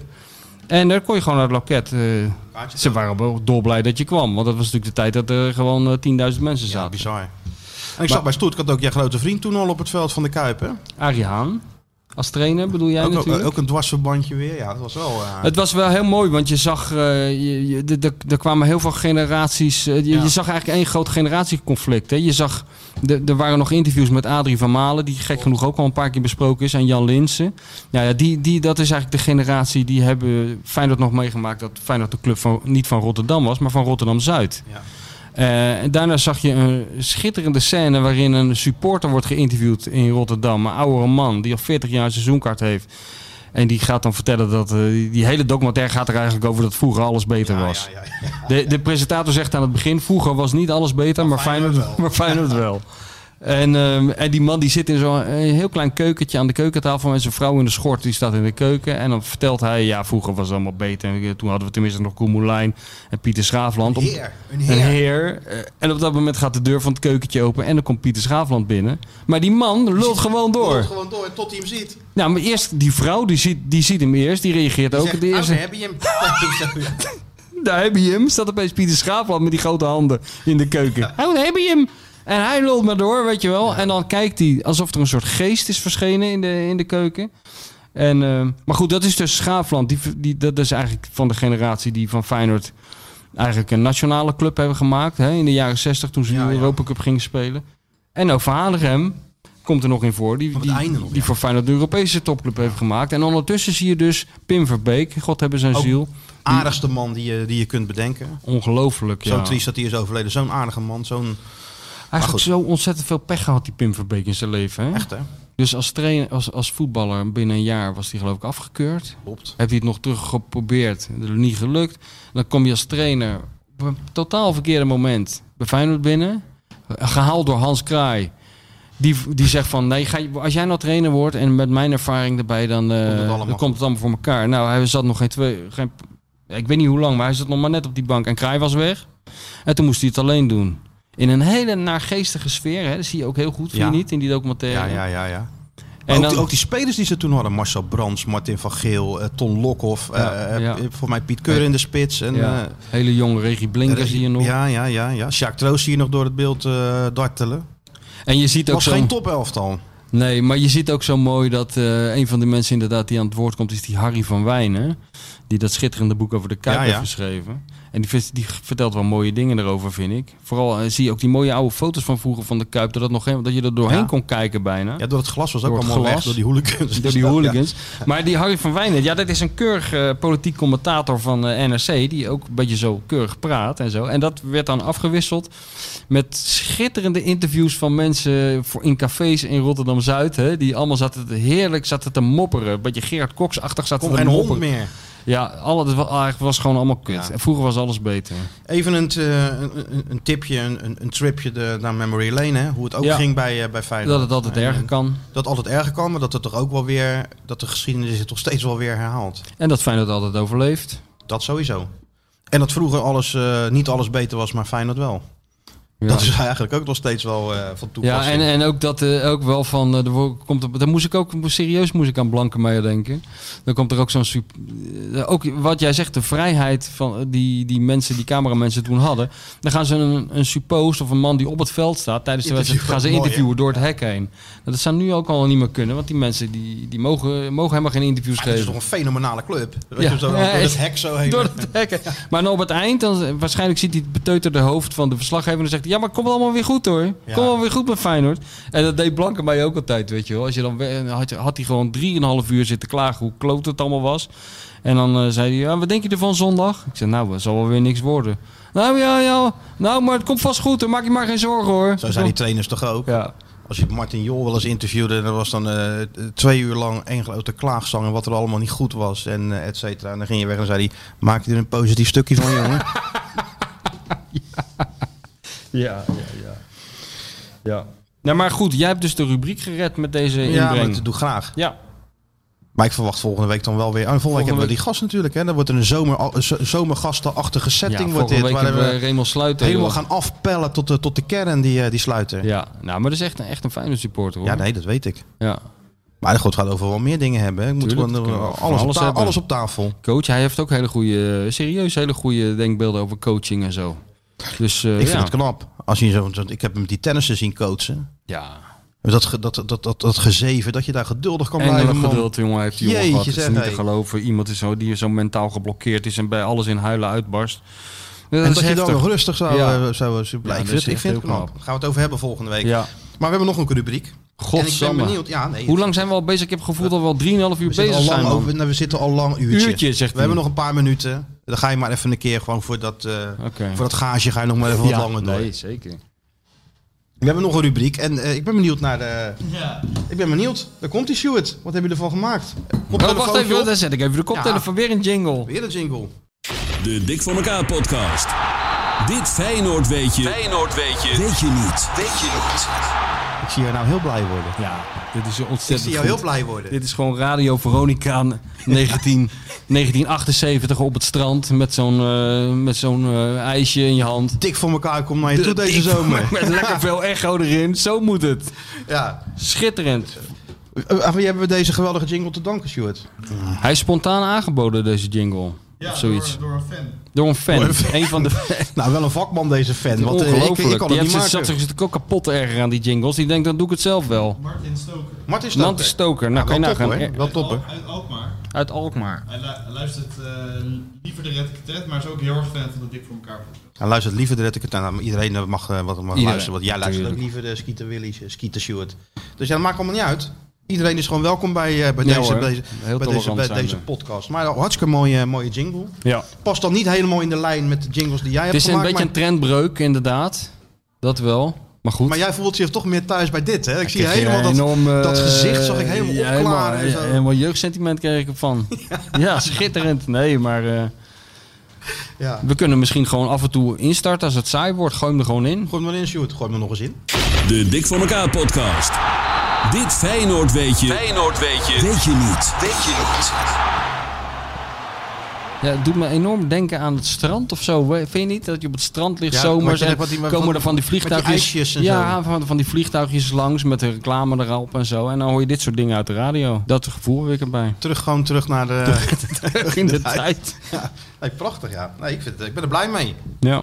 Alleen nou, de, de- toch andere jingletjes ga je toch ook nog iemand wat in laten zingen, ga je toch nog doen en zo? Dat- Ja, dat was voor deze bedoeld, maar nu is die al eh, overruled, toch? Nou ja, je moet jezelf wel blijven vernieuwen. Dus gewoon, eh, gewoon een keertje... Rustig aan met die jingles. Oh ja, Rustig aan. Rustig aan met de jingles. Maar blij dat de rubriek Dit Feyenoord weet je, weet je niet een, eh, een eigen jingle heeft. En een winnaar. Op de vraag van, eh, van vorige week. Nou, dat is niet te geloven dat die vraag een winnaar heeft opgeleverd. Echt. Ja, ze moeten wel wat Als doen voor het dat meeste. weet- Ze moeten wel wat doen voor het meeste werkje. het is nou niet zo dat we dat je hebt altijd zo'n zo'n zo'n quiz, professor Feyenoord. Hè? Daar heb ik ook wel eens aan Ik meegedaan. ook, heb voor ook wel een eens aan stukje. meegedaan, ja. Nou, dat is ook niet te doen. Maar dit, dit overtreft het nog. Dit is echt voor... eh, dit is Champions League Ja, niveau. maar dat het viel voor, eh hoe heet die, de winnaar? Chris Grevers. Chris Grevers viel het wel mee, want die wist gewoon, die jongens hebben het over Dwight Blackson. Dat En was het goede en dat antwoord. klopte. Dwight Blackson. Dwight Blackson. Dwight Blackson. Nou ja, schitterend. En eh, er is, eh, er is een boek onderweg van, eh, van de bestseller writer. Ja, Het meeste werkje gesigneerd Kian. en wel. Gesigneerd en wel. Het meeste werkje Kian, waar die toch twintig jaar mee bezig is geweest Ja. om dat geheim te ontrafelen. En, Ja. eh, en te, hè? Nou, inderdaad. En eh, ik heb nog een bericht naar Gian gestuurd. Ik zal eens even kijken of hij al gereageerd heeft. Of dat hij met andere dingen bezig is. Even zien. Ja, want, Maar, hij, maar gewoon door hoor. want hij gaat nog een keer een, een, een, een, eh, Nou ja, dat heb ik. Ik heb een overpijnzing gevraagd. doen in de, in de, in de podcast Leek natuurlijk. me wel toepasselijk in deze tijd. Ik dacht als Wat doet dat lang man voordat je daarbij Ja, maar bent? dan gaat iets niet goed. Het is toch... Oh, de, hij heeft, man met mobiele dus telefoon. ik heb, kijk, ik zal even laten, ik zal niet helemaal voorlezen. Maar ik heb dus dit hele bericht gestuurd naar hem, wat de bedoeling is. Dan stuurt hij terug, oké my man. my man. Maar goed, Maar daar is niks- verder maar nog niks gebleven. ingesproken. Nee, Nou, dat doen we dan volgende nou ja, week. wie weet. Ja, Ik hou me aan. Goed, de nieuwe vraag. In dit Feyenoord weet je, weet je niet. Zal ik weer die, eh, die, die quizmaster-achtige stem Ja, even dat, opzetten? dat, dat, en Met ook die die, dictie, die dictie erbij die erbij hoort. Dat, dat jij eh, er wel van overtuigd bent dat iedereen het goed hoort. Toch belangrijk. Viooltjes er weer onder, denk ik. attentie, attentie. Ja, Viooltjes eronder. Ja. Viooltjes eronder. Komt-ie. En ik, ik spreek dus weer namens een, eh, een ex-Feyenoorder. Ja, dat hoef je niet, echt niet dan. elke keer bij te zeggen. Ja, maar hoor. dat, dat, hoor mensen- toch jij ook in denkt die shows. Ja, maar je moet het constant Ja, maar die is- shows, dat zijn de herhaling. Dat is het SBS-publiek. Die moet je inderdaad 150.000 keer uitleggen hoe het werkt. Maar wij maken hebben een wij dan, podcast eh, voor een heel dan intelligent... publiek? We hebben toch gewoon... Heel intelligent. Elk publiek is toch bij ons welkom? Jawel, maar ik, ik heb er een hogere pet op. Maar goed, ga maar door, want ik wil niet je quizmaster... eh, Ik zat net helemaal in die rol. Ja. Volgende keer trek ik een glimmend jasje aan. ja. Komt-ie. Mhm. Ik scoorde nooit voor Feyenoord in een Europa Cup duel. Dit deed ik wel voor een andere club. Mijn eerste officiële wedstrijd voor Feyenoord wonnen we met één doelpunt verschil. Bij de tegenstander liepen een speler en een trainer met dezelfde voornaam als ik. Nou, zonder haperen gebracht. Wij geven het je deze week. Moet ik hem nog een keer doen? Of denk Ja, ik zou- ik- ik- ja, nog een keertje. Ik zou dat zeker nog een keer doen. Kom, gaan we weer. Ik scoorde nooit voor Feyenoord in een Europa Cup duel. Dit deed ik wel voor een andere club. Mijn eerste officiële wedstrijd voor Feyenoord wonnen we met een doelpunt verschil. Bij de tegenstander liepen een speler en een trainer met dezelfde voornaam als ik. Ja, nou, de, de- denk je de- eerste, de- eerste was beter. Toen zei je van wonnen met één doelpunt verschil. Nu zei je wonnen met een doelpunt verschil. Dus, dus maar goed, we zullen... Ja, dan kunnen de mensen kiezen naar welke versie ze ze beter, eh, beter vonden. Ja, dat is wel een weggevertje deze. Ik verwacht hier toch wel meer eh, goede antwoorden op dan die we de vorige keer eh, kregen. En dan kunnen we inderdaad niet meer doen als de eerste die... Want ja, die podcast, eh, daar werd ik ook weer terecht op gewezen. Mensen luisteren dat op verschillende tijdstippen natuurlijk. Ja, maar dan moeten ze gewoon scherp zijn op dinsdag. Dus gelijk bam aanklikken Ja, dinsdag. nee, en, eh, eh, en als je nou lekker tot het weekend wil bewaren... Dat moet je niet doen. Ja, nee, Dat ja. je denkt van, ja, zondag ik sta op, ontbijtje... Ja, dan maar ben ik dan- even die dan- dan bestseller writer in mooi. Ja, ja, maar dan ga je even snel naar die quiz. Doe je even die quiz en dan bewaar je lekker de rest, De rest van voor zondag. later. Voor later. Nou, dat kan natuurlijk ook. Zo hebben we voor alles een oplossing. Nou, oké. Straks naar de Kuip. Ga je mee of niet? Wa- Wat is in... Persconferentie dik. Oh ja. Nou, waarom niet? De persconferentie dik om twee uur. Want eh, ja, naar Moskou eh, kunnen we niet mee. Want er gaan ook geen, geen vluchten. En door, door al die, eh, dat corona-gedoe heeft Dick besloten om de Nederlandse pers toch in eigen land nog even te woord te staan om twee uur. Zo zo. Ja, Nou, eh, ach ja, ik heb toch geen hond bij me, dus... eh. ja je hebt helemaal niks te doen. En Dus, eh, een schrijver zoekt altijd eh, elke vorm van afleiding om even niet te schrijven. Dus, eh, ja, je, bent al, maar je bent al druk bezig wel met je... Ja, met- het gaat goed? bezig. Ja, ja, ja, ja. Ja, ik wil er verder geen druk op leggen. Maar Nee, nee. nee, ja, het ja gaat zeggen. goed. Ja, ja, nee, dat gaat Oh, goed. ja er komen allemaal letters op papier. in kerst Dus, 2024 ligt hij in de winkel. Ja hoor. In grote getalen kunnen we er dan weer heen. Er zijn was net... trouwens, wel, trouwens heel teleurgesteld. En dat, dat vergeet ik bijna te zeggen. Nou lees ik dat die Tommy Wieringa Obama mag interviewen en jij niet. Terwijl ik neem toch aan dat Obama een lichte voorkeur voor mij zou Hij wilde hebben. er schrijven, maar hij bedoelde eigenlijk jou. Maar waarvoor gaat, gaat die Wieringa dat Terwijl dan zijn doen? vrouw, is al de, heeft, zijn vrouw heeft mijn vrouw al ontmoet. Dus het leek mij dat... Als, hè? Hebben ze een hond ook? Ze hebben ook een hond. Dan kan Disney ook gewoon mee. ABC'tje. Nou, ik vond het wel teleurstellend. Tommy Wieringa die dan eh, Obama er heel hoog van opgeeft. Terwijl ik denk van ja, dat- dat- iemand had dat eigenlijk moeten doen. Ja, dat Had hij meteen ook, in de podcast kunnen aanschuiven ook. Heel achterloos dat ik dat heb gedaan. Was ik ook al voor Feyenoord begonnen. Zoals mijn, neem aan dat hij wel mijn wat vrouw van tegen, Feyenoord weet. Zoals mijn vrouw tegen Michelle Obama serieus over de hond begon. dus, En dat klikte meteen ja, natuurlijk. dat ging gelijk goed. Dus eh, ja, nee, is een gemiste kans. Maar goed, ja, hoor, mijn vriend eh, Tommy die heeft eh honneurs waargenomen. Ja, ja, was het toch in goede handen. Wel. En wij hebben ja, volgende week sluiten, dat is net zo interessant. Lijkt me wel. Oké, dan gaan we naar de Kuip zo. Feyenoord speelt tegen, tegen Moskou en zondag Utrecht. En dan gaan we het dan volgende week op dinsdag weer over hebben. Bedankt voor het luisteren. Ja, nee, wacht even. Ik heb dus eh, nu net een bericht binnengekregen van Gian. Is het zover? Ja, het is zover, ja. de Dus de, overdenking aan het einde van Nou- deze geweldige topshow voor de miljoenen luisteraars die opgewekt de week in kunnen. Dat dacht ik wel. Ik dacht van eh sombere tijd, somber weer af en toe. eh, de resultaten zijn goed, maar toch corona, hoop gezeik. Wie kan de Feyenoord-fans nou beter een hart onder de riem steken dan de man die ervoor ge- gemaakt is, die ervoor geboren is? Dus ik heb aan Chris Guillan gevraagd of hij even een boodschap wil inspreken voor al die eh, miljarden eh, luisteraars en Feyenoord-fans. Ik ben er nu al stil van. Daar gaat hij. Feyenoord fan, this is your boy Christian Gian. Ole ole. May God bless you all. Stay positive in this hard time. We never walk alone. May God bless you all. Feyenoord for life. Ja, ik, ik voel het stromen. Ja, ik heb er niks meer aan toegevoegd. Eh, ik heb alleen maar gevraagd, wil je even iets inspreken? Nou, dan komt u dus met dit. Dus, eh, nou ja, ik denk dat mensen daar toch wel warm van Dat denk van ik wel. worden. Ik wel in ieder geval. Ik zal hem meenemen straks naar de persconferentie en aan, Aan Dick laten aan horen. Dick laten horen. En die kan het aan zijn spelers laten horen. En dan kan het niet anders dat het een goed resultaat wordt Even afdraaien vlak voor de wedstrijd in Moskou. En dan eh, gaan als de brandweer. Gaan als de brandweer. Mooi einde. Ja. Kunnen we vaker vragen of hij dat vaker wil doen? Ja, Mafkees, wat ben je aan het doen? Kuit kan het al heel snel doen. En doet het. Kuit doet het. Pierre van Hooydonk. En het is Pierre van Hooydonkavond. Het is de Pierre van Hooydonk Cup. Met elkaar communiceren, met elkaar praten, dat is toch een heel groot probleem hoor. Natuurlijk staat dit schitterende stadion bekend om zijn sfeer. Maar zoals vandaag heb ik het nog echt eh, zelden meegemaakt. Ik denk dat ik dat gezegd heb, maar dat heb ik niet gezegd.